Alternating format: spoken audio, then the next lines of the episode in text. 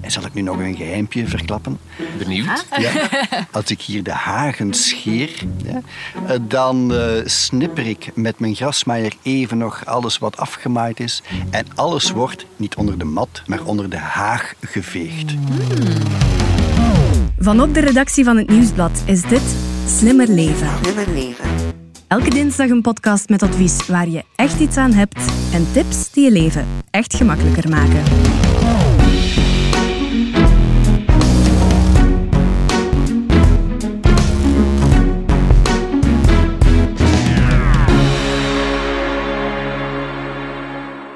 De natuur gaat bijna in een winterslaap. Maar wat kunnen we nu nog doen voor het zover is? Wat moeten we nog doen, zodat de tuin topfit de winter doorkomt en zodat die klaargestoomd is voor de lente? Ik ben Stefanie Verhelst, redactrice van de podcast. En bij mij zit Chris Snik, journalist van het Nieuwsblad. Dag Chris. Dag Stefanie. En we bevinden ons in de prachtige tuin van tuinexpert en journalist Mark Verachtert in Beernem. Dag Mark. Dag Stefanie, dag Chris. Hey. Hallo. Dankjewel voor de koffie. Alsjeblieft. En dat we naar hier mochten komen. Ehm, in deze podcast gaan we het dus hebben over het winter klaarmaken van onze tuin. Wat doen we met onze gazon? Moeten we nog snoeien? Iets planten of zaaien? Wat met al die afgevallen bladeren? En hoe soigneren we de beestjes in de tuin best? Alle antwoorden in deze aflevering van Slimmer Leven.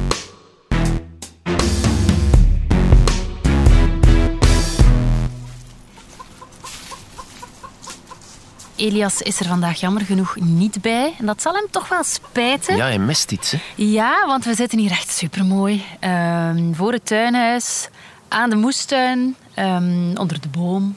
Ik zag daar net een specht vliegen. Een specht. Ja. Ja, er zitten veel vogels. We horen, we horen veel vogels. Ehm, in de achtergrond eh, een beetje wind misschien, een beetje machines die hier Ja, verderop ze zijn bezig de, zijn. de mais aan het met afrijden. de hè. mais.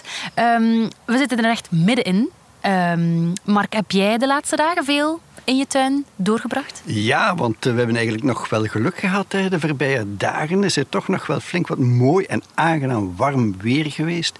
Dus ja, hè, eigenlijk elk moment dat ook maar kan, zitten Rita, mijn echtgenoot en ik eh, buiten om te genieten zonder meer van, van, van de tuin. En natuurlijk ook af en toe klusjes te doen, maar van tuinwerken hoor je mij dus niet spreken. Hè. We moeten echt wel ja, kunnen bezig zijn in de tuin en dat moet een, een, een plezier zijn. Chris, jij bent zelf ook een enthousiast tuinder, toch? Hè? Ja, Heb jij klopt. dit weekend in de tuin gewerkt? Ja, ook een beetje de, de overgangsfase. hè. In de moestuin een beetje opruimen en ook nog eh, dingen ontdekken. Eh, verstopte oogst, zoals een, eh, een courgette die veel te groot is om normaal op te eten. En dus in de soep gaat. Oké, nu sowieso. De dagen worden korter. Het wordt een stuk frisser toch al. Ehm, ik heb zelf al niet de grootste groene vingers, maar de zin om in de tuin dan bezig te zijn verdwijnt dan bij mij echt bijna helemaal. Hoe zit dat bij jou, Mark? Ik vermoed van niet, of, of, toch ook een beetje? Wel, het moet toch al wel regenen om mij echt binnen te houden, hoor. Eh, want uiteindelijk, elk moment, zelfs van de dag, heeft zijn charme. Hè? Ook om buiten een koffietje te drinken natuurlijk. Of gewoon even door de tuin te stappen en te zien wat er allemaal eh, toch nog bloeit op dit ogenblik. Of welke kleuren eh, er ondertussen zijn bijgekomen van de bladeren die in herfst gaan. Ja, en de kippen lokken mij natuurlijk ook naar buiten, want eh, die willen ook elke dag natuurlijk wel een portie eten. Ja. En ze geven natuurlijk ook de eitjes die ik ook mee in huis moet nemen.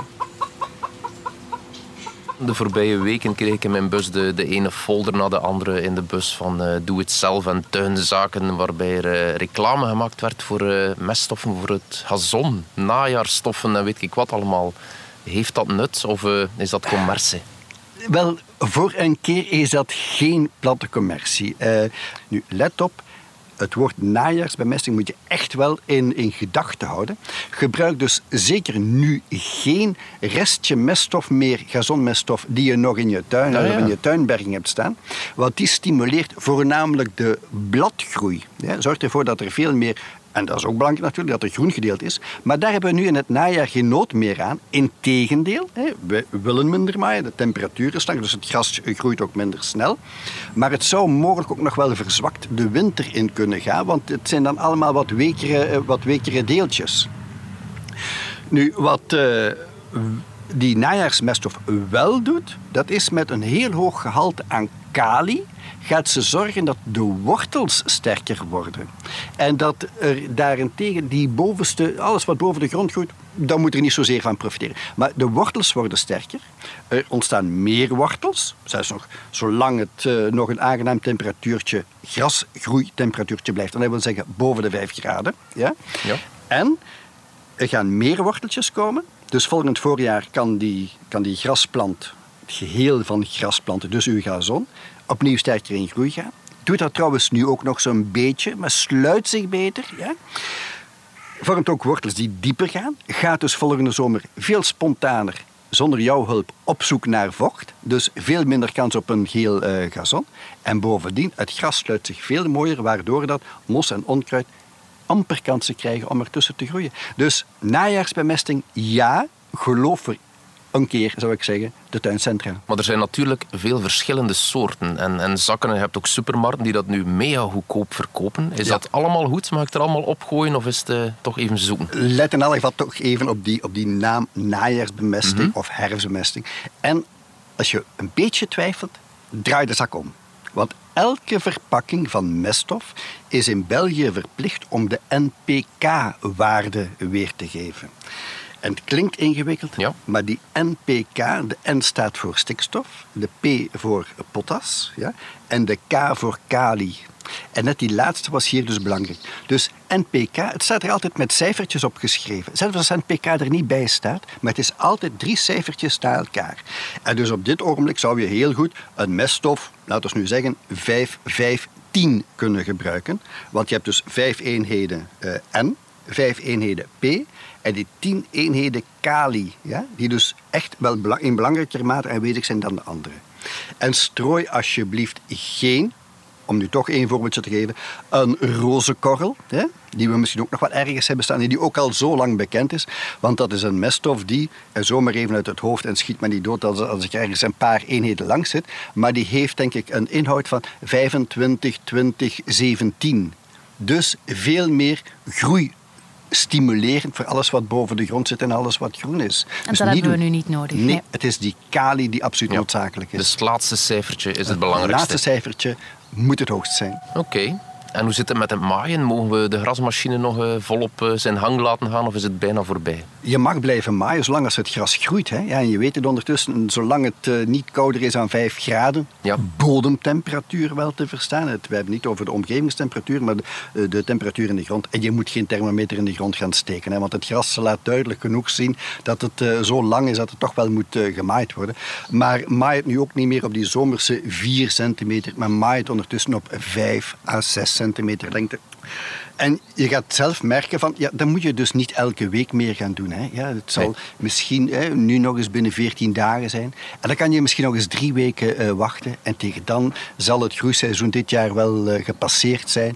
En kan je ja, de grasmaaier niet in de tuinberging opbergen, maar, en hier toch ook wel opnieuw een verwijzing naar de handel, wel naar de machinehandel brengen voor een onderhoudsbeurt. Ah, ja. Want dat is echt wel nodig voor grasmaaiers. Daar heb ik straks nog een paar vragen over. Over ons dan, eh, werkmateriaal. Daar komen we nog op terug. Oké, nog één grasvraagje dan. Eh, in onze voorjaarspodcast hadden we het ook al over zaaien en, en een nieuwe grasmat aanleggen. Dit is ook nog het ideale moment nu? We zijn er net een beetje overheen, hoor. Oei. Ja, ja, ja. September is nog de ideale eh, zaaimaand voor het gras. Want op dat ogenblik was de bodemtemperatuur nog wat hoger. Ja. Eh, zat er eigenlijk ook nog voldoende licht in de lucht. Ja. Waardoor dat de graszaadjes die je strooide, ja, die ontzettend snel gingen kiemen. Dit jaar heeft het heel vaak zelfs maar amper een week geduurd voordat je toch al wel de, de, de, de zaadjes Ja, die groene schijn aan, eh, aan, aan de grond zag geven. Hè? Ja. Oké, zaaien zullen we niet meer doen.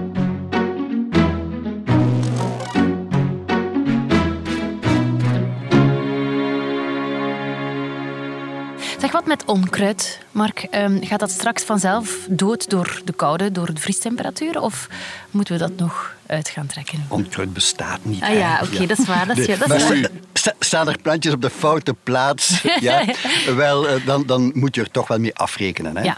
Eh, en misschien toch even teruggrijpen naar, naar, naar het gazon. Ja? Mhm. Gras groeide tot bij temperaturen boven de 5 graden. Die onkruiden die zijn in staat om bij nog lagere temperaturen te groeien. Dus die blijven nog wat langer groeien.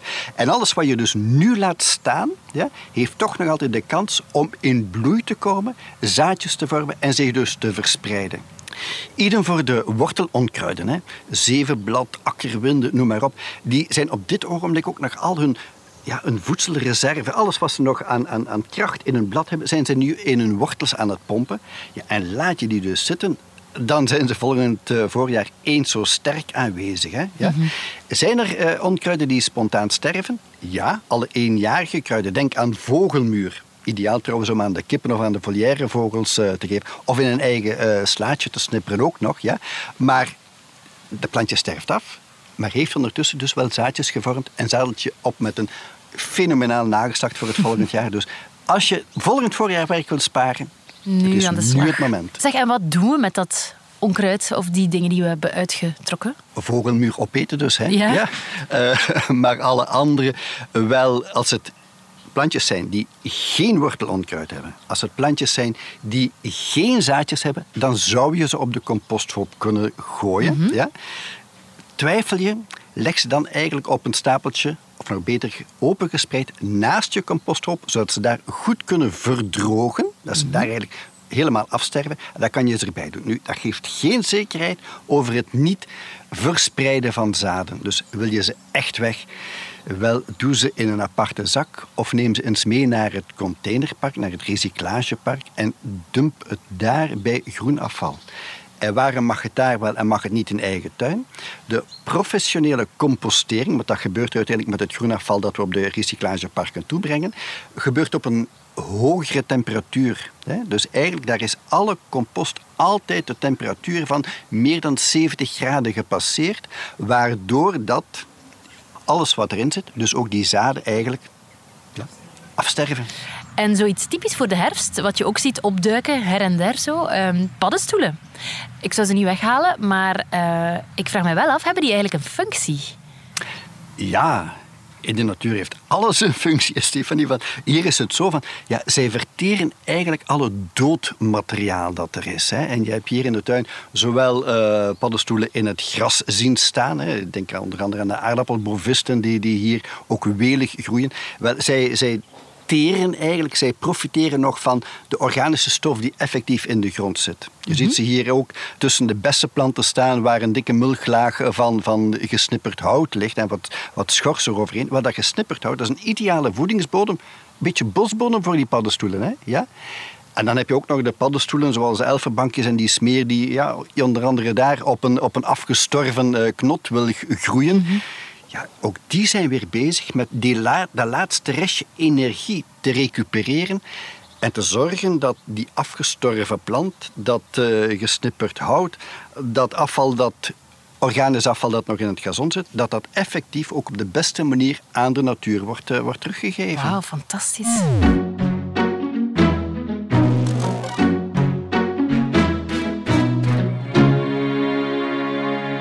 Ik zie dat jij hier ook in je prachtige tuin zeer veel hagen staan hebt. Um, die zijn al gesnoeid, denk ik. Hè? Mogen we dat hierna ook nog doen of is het voorbij ook? Uh, nee, nee, nee, nee. Wij hebben het hier gedaan uh, begin september, ook omdat het ons goed uitkwam. En tegelijk, we houden ervan dat de hagen inderdaad strak zijn. Deze tuin heeft die hagen nodig om zeg maar, zo'n rustgevende sfeer uh, te creëren. Maar eigenlijk kan je hagen scheren gewoon de winter door. Ah, ja. Ja? waar het eigenlijk op aankomt is dat die hagen eigenlijk terug in model staan. En welke vorm dat, dat dan ook uh, mag zijn. Maar dat ze in het voorjaar, als ze beginnen uit te lopen, dat ze niet alleen inzetten op die knoppen. Op het vormen van nieuwe twijgen uit knoppen die je nu ook echt kan zien. Maar dat we tegelijk ook wel de slapende ogen, de slapende knoppen, dat zijn degenen die, die nog te jong waren, die mm -hmm. eigenlijk nog verborgen zitten zeg maar, in het velletje, in de schors. Om ook die te laten uitlopen en dus eigenlijk een nog betere vertakte haag uh, te krijgen. Ja? En mogen we alles nog scheren of snoeien? Of zijn er ook uh, soorten die denken, blijf van mij af in de winter? Als je het over snoeien hebt, dan moet je op dit ogenblik de uh, snoeischaar ver weg houden van de heuse voorjaarsbloeiers. En voorjaarsbloeiers zijn die planten die eigenlijk tot ongeveer mei uh, bloeien. Ja? Ik denk dan heel bijzonder bijvoorbeeld aan, aan het krentenboompje. Hè, dat ondertussen ja. iedereen kent dat in april uh, bloeit met prachtige witte bloempjes. Waar dan achteraf die krentjes aankomen. Lekker ook, hè, lekker zoet. Uh, maar als je nu takken uit dat krentenboompje knipt, dan knip je de bloemen weg. Hè, ja? Voor de planten die na mei bloeien is er geen probleem. Want dat zijn, denk aan, aan de Amabella hortensia, ja, die, eh, als je die nu knipt, is er geen probleem, want die moet volgend jaar eerst een lange twijg groeien, om dan pas daarop een bloemknop te krijgen. Dus die heeft daar veel meer tijd voor nodig. Ik zie er ook nog wat fruit staan, Mark. Eh, hoe zit het daarmee? Daar ga ik nog knipwerk aan hebben. Hè? Ah. Ja, ja, ja. Want eh, eigenlijk alles wat appel en peer is, ja, dan mag je dus nog moet je eigenlijk nog wel snoeien. Als je dus een open eh, boom wilt houden en nog wat meer vruchtzetting wil hebben, dan moet je die eigenlijk toch wel snoeien voor, zeg, maart. Ja? Maar het mag de hele winter door ook opnieuw, behalve als het eh, stevig vriest. Want dan gaat de snoeiwonde natuurlijk ook wel ja, het sap dat er misschien toch nog in zit, gaat dan gekwetst worden en dat moeten we beter eh, niet doen. Maar er zijn dan anderzijds ook nog wel hè, de, de, de, de pruimen en de kerselaars, daar blijf je vanaf. Altijd. Eh, nee, Ah. daar blijf je nu vanaf, want, eh, en eigenlijk moet je die quasi zelden eh, bijsnoeien hoor. Hè. Maar als je eraan knipt, dan moet je dat eigenlijk in volle zomer doen, zo kort mogelijk na de oogst. Doe je dat niet, zou je nu knippen, dan heb je kans dat er een, ja, een ziekte ontstaat. Dat is ook weer die, die wondes van die planten sluiten zich minder snel. Dat er dus eigenlijk ook schimmels en insectjes en die meer in komen.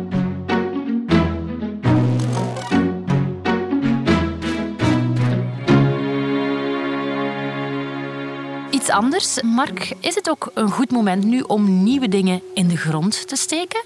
Ik denk aan bloembollen, ik denk aan planten, ik denk aan zaaien misschien. Eh, Ja. Vertel eens. Laten we eh, beginnen met het zaaien. Zaaien, daar zit eigenlijk te laat voor. Ja? Eh, omdat ja, zaadjes hebben warmte en vocht nodig, maar aan warmte en tegelijk ook wel aan voldoende licht ontbreekt het hen op dit Ja. ogenblik. Dus vergeet het. Hè. Je kan nog wel zaadjes eh, strooien, maar die gaan toch tot het voorjaar wachten. Als ze al niet afsterven door een teveel aan vocht of door koude en die smeer. Maar eigenlijk moet je niet meer doen. Bloembollen, ja. Dit is echt wel het geschikte moment. Hè. Nu, september is het begonnen en het plantseizoen voor bloembollen, voor het, de bloembollen die volgende z- eh, voorjaar en ook zomerbloeien, ja, die mag je eigenlijk planten tot zeg november. Nu, Wij hebben hier ook al wel eens in december geplant. Tulpen, die toch wel wat later dan de andere, maar heel mooi bloeiden. En vergeef het mij, hè, maar we hebben zelfs eh, dit voorjaar, dit voorjaar, we hebben zelfs voorbij januari de gladiolen geplant die we toch wel vergeten waren. En zijn ze gelukt? Ze staan op dit ogenblik in bloei, Christen, terwijl dat bij alle andere mensen ze al lang uitgebloeid Ja. zijn. Ja, waarmee ik eigenlijk ook wil zeggen van, ja, die, die, die eh, bollen hebben allemaal ook wel hun tijd nodig om in groei te komen en die smeer. Maar nee, normalerwijze, Stephanie, van nu planten, Ja. Hè? ja, niet uitstellen. En dan alles wat eh, vaste planten, maar ook struiken en bomen betreft, dit mag je gerust het vergeten plantseizoen noemen vergeten. Omdat voor onze grootouders was het vrij logisch dat alles wat ook maar echt moest geplant worden, dat zat in het najaar deden. En waarom? Omdat de boomkwekers op dat ogenblik alle planten gewoon uit de grond haalden. Ja? En ze werden met naakte wortel verkocht, met blote wortel. Nu, doorheen de jaren is die sector, de boomkwekerijsector, zich gaan aanpassen aan ons toch wel, mag ik bijna zeggen, luie tuiniers. In het najaar nalatige tuiniers. Want ja, heel veel mensen blijven in het najaar veel liever binnen. Ja. Het is gezellig aan de haard, het is Sorry. gezellig in de zetel. eh goeie boek, goede krant, eh, goede radio, wat dan ook. Ja. Maar ze blijven binnen. En in het voorjaar, als het begint te kriebelen, ja, als eh, de, de lente terug in de lucht komt, dan zeggen we van, nu gaan we bijplanten. Ja? Nu, in het vroege voorjaar zou je nog altijd wel planten met naakte wortel kunnen planten, maar de kwekerijen hebben zich georganiseerd op planten met kluit en planten in pot omdat die ook in de zomer kunnen geplant worden. Dat is echt zo van, dat is voor de instant tuiniers. Ik wil nu die plant, ik ga naar het tuincentrum, ik ga naar een plantenzaak, ik koop die en ik zet die in de tuin. En dat lukt dus. We zijn daardoor losgekomen van de seizoenen, maar nu najaar zijn de planten eigenlijk ook het goedkoopst, want de kwekers hebben minder werk aan een plant met blote wortel. Dat is een eerste. En tweede, ja, hun grond komt een half jaar vroeger vrij dan indien ze die planten tot het voorjaar moeten laten staan. Er is nog een belangrijk pluspunt dat ik graag meegeef. Nu planten, laat je eigenlijk een volledig groeiseizoen winnen. Want wat je nu plant, staat volgende zomer al volop. En wellicht al goed krachtig in blad in, in, in jullie tuin. Ja?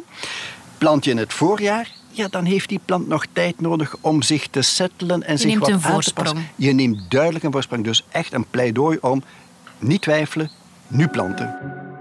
Water geven als je iets nieuws in de grond steekt zal niet nodig zijn, vermoed ik, of toch wel? Blijven doen. Oh. Blijven doen. Ook nu? Ook nu.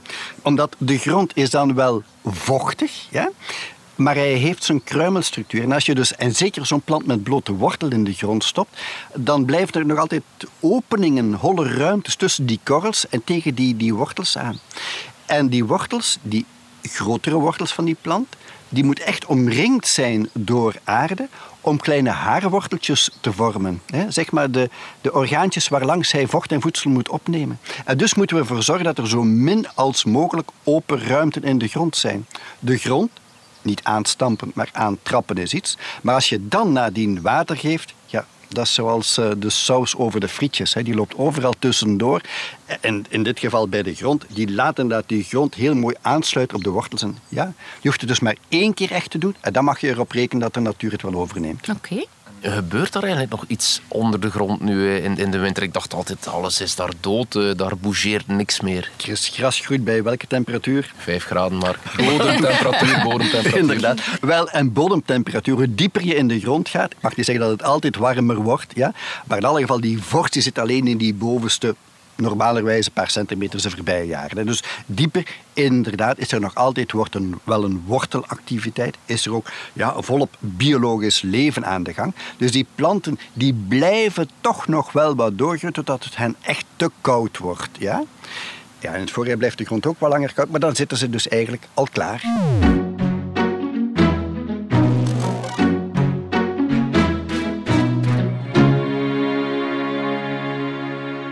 Zitten onder de grond, Mark, maar boven de grond kan het wel eh, koud worden. Hè. Vorige winter eh, kon het al eens goed vriezen. Ehm, ja, volle grond planten. Kunnen we die beschermen of eh, laten we gewoon de natuur zijn ding doen?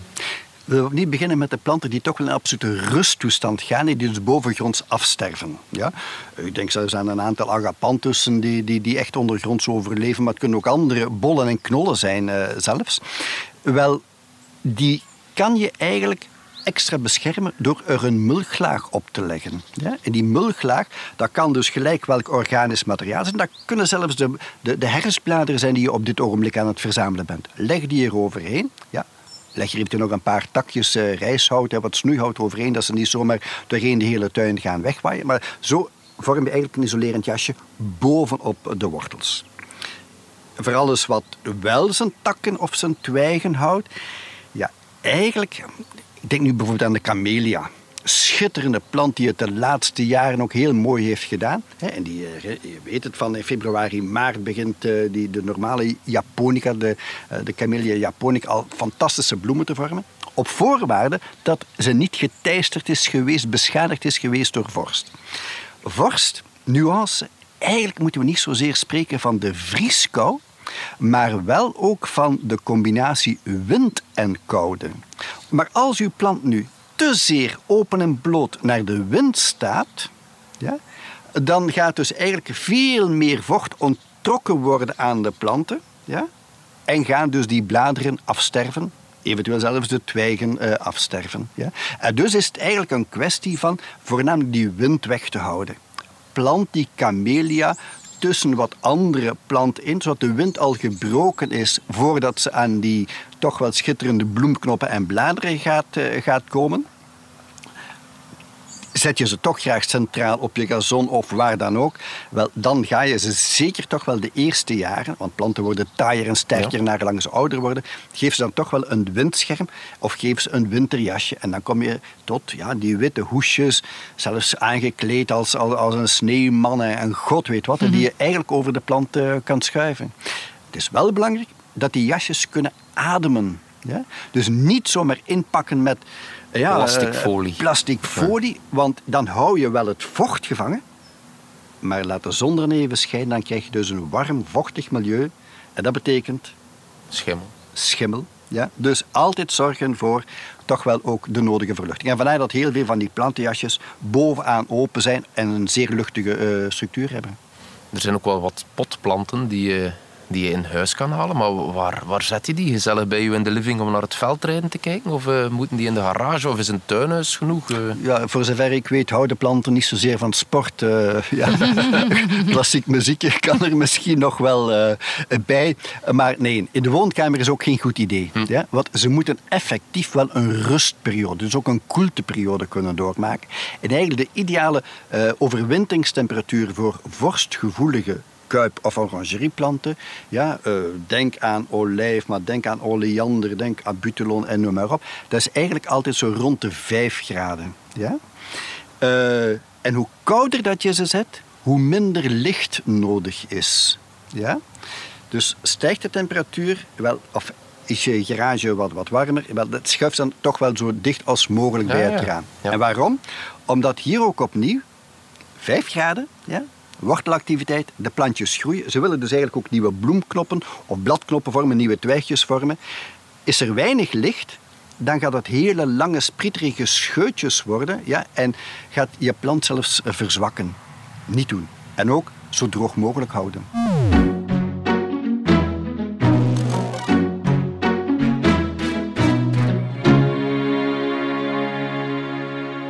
We weten nu wat we met onze gazon moeten doen, wat we nog moeten snoeien, planten, hoe we eh, onze plantjes moeten beschermen.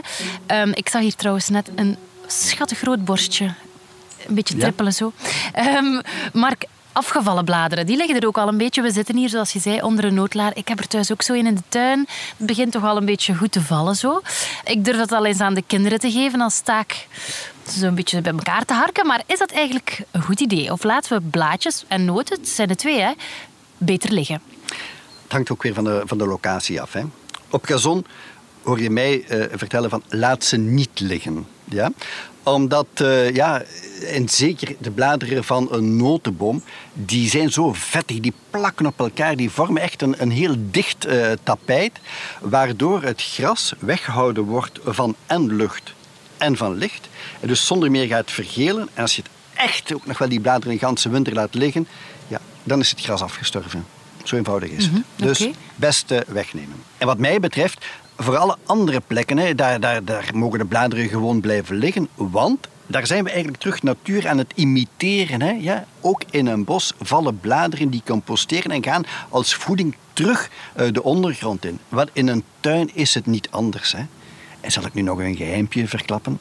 Als ik, ja, als, ik de, als ik hier de hagen scheer, ja, eh, dan eh, snipper ik met mijn grasmaaier even nog alles wat afgemaaid is. En alles wordt niet onder de mat, maar onder de haag geveegd. Ja. Omdat we zo eigenlijk ook nog, en dat is wat er nu ook met herfstbladeren aan het gebeuren is, dus die mulchlaag echt onder de plant te brengen.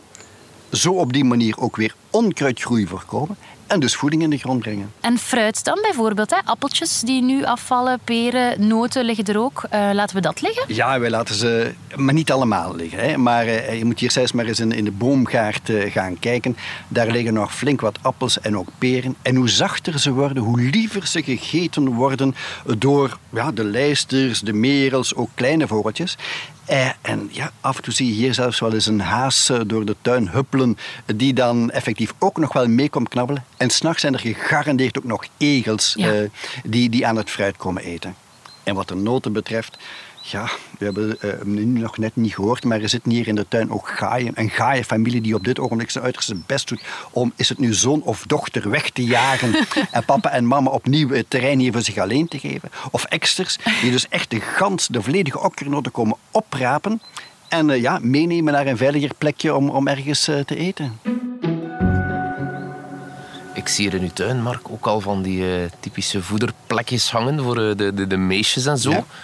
Is dat niet wat vroeg? Ik denk altijd, laat die beestjes zelf nog wat zoeken, hè, voor we ze gaan eh, vetmesten. Wel, in een omgeving zoals deze zou dat misschien nog wel kunnen, omdat hier inderdaad, hè, we zitten volop in het groen. beestjes hebben hier echt wel ja, de keuze en, en, en, Ja. en kunnen genieten. Maar ik wil ze toch al wel wat gewoon maken aan het dichter terug bij, bij, bij ons mensen te komen. Hè. En vandaar inderdaad, vorige week ben ik al begonnen met toch wel het eerste voederen zonnebloempitten. Mhm. daar zijn ze verlekkerd op. Hè. Gepelde zonnebloempitten. Ah, niet die dan zwarte dan? Niet die Ja. zwarte, echt diegenen die onttaan zijn van de pit. Kan je die Eh, zo kopen of moet je dat zelf doen, dat taakje? Om... Nee, Kindjes, gelukkig. de kindjes doen dat. Gelukkig. Nee, nee, nee, nee, nee. Ze zijn zo te koop ook, pardon, ook in de dierenspeciaalzaken. Oké, ja. Daar zijn ze trouwens veel beter koop dan in- bij de drogist, waar je diezelfde gepelde zonnebloempitten voor het eigen ontbijt kan, eh, kan Ja. vinden. Ja? Dus Maar het zijn eigenlijk dezelfde. ik durf, niet, ik durf de kwaliteit van het een en het ander niet beoordelen. In alle gevallen weet ik dat die gepelde zonnebloempitten hier geweldig in de smaak vallen eh, van de tuinvogels. En dus door ze nu al te geven, zorg ik ervoor dat ze de weg al kennen. Want wat heel belangrijk is, eens dat je begint met voederen, moet je wel blijven volhouden. Hè? Ja? En nu hebben inderdaad de vogels nog niet zo'n echte nood aan voedsel. Dat gaan ze pas krijgen als ja, de winterkou zich echt inzet. Hè? Dan hebben ze heel veel energierijk voedsel nodig. Zonnebloempitten zijn er goed voor. Pindanoten zijn nog beter. Ja. Dus als je meer vogeltjes wil dan je buur in de winter, dan moet je nu al beginnen. Ja, en de vogeltjes gaan zich wel niet aan de perceelsgrens houden. Die gaan zonder meer ook bij de buur op bezoek. En voor hen is het te hopen dat de buur ook nog voedert. Maar inderdaad, hoe meer dat je ze eten geeft, hoe gevarieerder dat je ze ook eten geeft, hoe vaker dat ze ook eh, je tuin gaan eh, bezoeken. En ik wil nog dit daar toch ook aan toevoegen. Van we zijn allemaal gewoon van vetbollen op te hangen. Ja, ja, ja, ja. Niet meer in netjes, alsjeblieft. Hè? Want we weten ondertussen dat eh, flink wat vogeltjes daar toch wel wat met hun pootjes in verstrikt raken en dan Oh. een vreselijke dood sterven. En vetbollen mag je ook zo op een voederplank leggen of die mag je in een andere houder stoppen, eh, wat dan ook. En ik gebruik het woord voederplank. Een voederhuisje, ja. Hè, we zetten dan normaal op anderhalve meter hoogte. Eventueel nog beschermd met een dakje. Maar ik zie het hier. Dan vindt de vink dat vreselijk. Want die wil eigenlijk van boven naar beneden landen. Aha. En dat dakje staat daar in de weg en dan zit ze zo hulpeloos te fladderen. Oh. Voor dat, te kijken naar, naar dat voedsel dat daar uitnodigend ligt. Dus zet ook een voedertafeltje of een plankje laag tegen de grond aan de voet van je hogere voedertafel. Zodat je voor de scharrelaars wat te eten hebt. en voor, laten we zeggen, de, de hoogvliegers. Hè? En een, een echt nestkastje waar ze zelf ook in kunnen zitten, schuilen tegen de kou. Ehm, heeft dat, is, is dat een goed idee? doen. Ja, nu. Ja, echt wel. Eh, en niet erop vertrouwen dat de nestkastjes van het, eh, die de voorbije zomer bewoond zijn, dat die nog wel goed genoeg zijn. Je moet echt die nestkastjes even van eh, hun plek halen en je moet ze leegmaken. Een grote Ja? grote kuis. Le- herfst schoonmaken. Ja. hè. En dat wil zeggen, grote kuis, effectief. Niet met zeep of die smeer. Ah ja, niet opnieuw schilderen nee, van nee, binnen, nee. eh. Op- nee, ook niet schilderen langs binnen, want hout, en vooral die houten nestkastjes en ook de houtbeton, wil die ademen. En, en die zorgen eigenlijk ook voor, een, voor een, een, een, een betere luchtvochtigheid in zo'n nestkastje. Maar wat je wel moet doen, is zorgen dat, en met respect voor alle, voor alle tuinvogels, eh, maar ze hebben soms wel eens eh, ja, kippenluizen of vogelluizen. Hè? En die overwinteren ook in, in nestkastjes. En die kunnen daar tot een jaar lang passief blijven wachten totdat er eens opnieuw een vogeltje op bezoek komt. Die moeten we kwijt zijn. Hè? Ja? En je overgiet ze met, met, met heet, zelfs wat eh, kokend water. Want daardoor, ja, daar kunnen die beestjes natuurlijk niet tegen. En dan zijn die nestkastjes klaar voor een nieuw gebruik. Hang je ze nu terug op, wel, dan gaan ze de komende maanden wellicht al gebruikt worden door, en of het nu meesjes zijn, sijsjes, eh, welke vogels dan ook, als een schuilplaats tegen ja, wind en ook tegen regen, misschien zelfs sneeuw. En vooral eh, onze moderne tuinen hebben daar nood aan, aan het geven van zo'n nestgelegenheid, omdat daar eigenlijk vrij weinig bladhoudende wintergroene planten in staan. Ja, en waar kunnen die vogeltjes dan schuilen tegen, tegen dat eh, gure weer? En, nu, en als ze er gebruik maken van zo'n nestkastje, wil dat nog niet zeggen dat ze er volgend jaar, volgend voorjaar ook gaan wonen hoor. Want ja, dan gaan de koppeltjes wel nieuw huisbezoek doen om, eh, om de beste plekjes te vinden. Ik zie en hoor hier ook grotere gevogelte, Mark. Eh, wat gekakel in de verte. Kunnen we iets doen voor de kippen voor de winter? Of eh, trekken die een plan? Wel, eh, de kippen moeten natuurlijk toch wel eh, op tijd hun natje en hun droogje krijgen. Dus je moet ze Ja. echt wel blijven eten geven en drinken geven. En vooral dat water geven is, is heel belangrijk. Hè. En dat geldt eigenlijk ook voor de tuinvogels ook wel. We moeten zorgen dat alles wat ook maar pluimen heeft en in de tuin komt, dus ook de kippen, ja, dat die altijd de beschikking hebben over water. En dat wil dus ook zeggen dat als het eens een nachtje eh, vorst geweest is, ja, dan moet je toch wel naar de kippenren gaan, het ijs breken, nieuw water eh, geven. En daar misschien toch nog. En niet geloven in de trucjes van suiker aan het water toe- toevoegen, zout aan het water toevoegen. Het verlaagt inderdaad, of het, het, zorgt ervoor dat het water niet zo snel in ijs verandert. Maar suiker, ja, daar krijgen ze ja, nog meer dorst van. Worden ze nog geprikkeld om meer te drinken, misschien zelfs te veel te drinken. Ja, en zout, zoutwater drinken, doe het zelf eens. Ja, je weet ook Nee. wat, wat het betekent. Dus niet doen. En heb je echt wel ja, geen, geen mogelijkheid om elke dag bij die kipperen langs te gaan, wel, ga dan toch nog eens naar een dierenspeciaalzaak en koop dan een warmtematje of, of, of dergelijke. Oh, bestaat dat? Ja. Bestaat natuurlijk. En dan leg je gewoon onder, onder, onder dat bakje met, met water. Ah, het is niet voor de kippen om op te gaan liggen. Nee, dan heb je gekookte eieren ook. Oké, maar zodat het water niet bevriest. Ja, Ik ben het. mee. We zijn bijna aan het einde, Mark. Maar je hebt er al helemaal in het begin iets over gezegd. Dus ik wil er even op doorgaan. Van de beestjes naar het werkmateriaal. Eh, ons tuingereedschap. Ehm, ik heb eens gelezen dat het ook dus nu het ideale moment is om dat te poetsen, te slijpen, wat dan ook. Klopt dat? Zolang, of van zodra dat je eh, het tuinwerk, het in de tuin bezig zijn, inderdaad op nul hebt teruggezet. Hè. Nu, mag natuurlijk ook wel eens eerder en veelvuldiger je tuingereedschap proper maken, maar inderdaad, hè, vuil tuingereedschap gaat roesten. Daar blijven natuurlijk ook altijd ook wat beestjes en die meer in zitten, ook al zien we ze niet. Ook opnieuw schimmels. Dus eigenlijk heb je die dan bewaard voor het volgend jaar. Dus eigenlijk schoonmaken. Hoe kan je dat doen? Het beste is eigenlijk met een, een stalen borstel alle metalen delen gewoon eh, flink afschuren, alle roest weg, en dan nadien inolieën. Niet met een restje olie dat je nog hebt van die brommer van toen je nog puber was of, of wat dan ook. Want dat is een, een synthetische olie. Blijft ook kleven op, op je materiaal. Als je dan volgend voorjaar je schub, een schoffel, hak of wat dan ook in de grond drukt, dan ben je eigenlijk die synthetische olie in de grond aan het brengen. Ik wil daar even de vergelijking maken met een druppeltje benzine dat je op water eh, laat, laat lekken. Ja, dan zie je welke grote olievlek dat dat veroorzaakt. Wel, eigenlijk met die synthetische olie is hetzelfde. Dus smeer eh, je tuingereedschap voor de winter in met ja, keukenolie. En het hoeft geen zonnebloemen of arachide of wat dan ook. te- Maakt niet uit, hè. Maar dat is eigenlijk de beste olie. Beetje om- olijfolie. Een beetje olijfolie, zou ook kunnen, ja, ja, ja. Code persing. Oké. Ja, maar in alle geval is dat goed. En ja, slijpen mag natuurlijk, maar hoeft eh, zelden hoor. En je grasmachine, Ja. Die moet je binnenbrengen, zei je daarnet, bij een ehm, specialist. Ja, zonder meer. Want een, een, een grasmaaier heeft, eh, en dat gaat ook al voor de robotmaaiers hoor, en voor de zitmaaiers, voor alle eh, maaiers. Wel, eigenlijk hoor je die eens per jaar. Wij doen het eens per twee jaar. Ja? Ja, maar eens per jaar hoor je dat eigenlijk binnen te brengen om niet alleen olie te verversen, ja? eh, eventuele brandstofleidingen uit te spuiten, de luchtfilter terug, eh, terugzuiver te zetten, de messen te slijpen en misschien nog wel het belangrijkste, ook de messen in balans te brengen. Ja?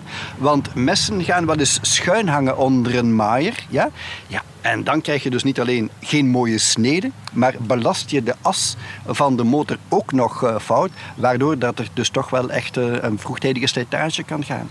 En goed onderhouden, wel, zo'n winteronderhoud kost wel wat geld, maar je moet wel nagaan dat een maaier goed onderhouden, dat die 15 tot 20 jaar kan meegaan. Hè?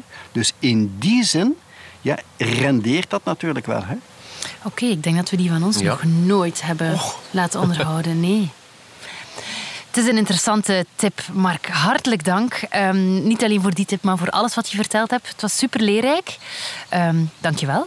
Alsjeblieft. Chris, jij Veel. Plezier. Dank Ja? u. eh, Ook veel geleerd vandaag. Dank u, Mark. En ook voor de koffie. Alsjeblieft. Dit was de podcast Slimmer Leven van het Nieuwsblad. Slimmer leven. Met journalist Chris Snik en mezelf, Stefanie Verhelst. In de tuin van tuinexpert Mark Verachtert. De audioproductie gebeurde door Pieter Santes van House of Media. De eindredactie werd in goede banen geleid door Bert Heijvaart. Wil je reageren, dan kan dat op slimmerleven.nieuwsblad.be. Als je deze podcast leuk vond, schrijf gerust een review op je favoriete podcastkanaal. Zo toon je ook anderen de weg. Alvast bedankt.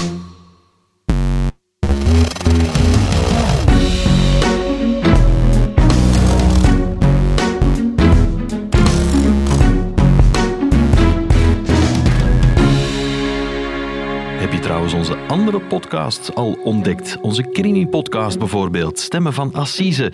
Of het Punt van Van Impe, onze politieke podcast. Maar we hebben ook podcasts omtrent sport, zoals Shotcast en De Koers is van ons. Ga ze beluisteren en tot gauw.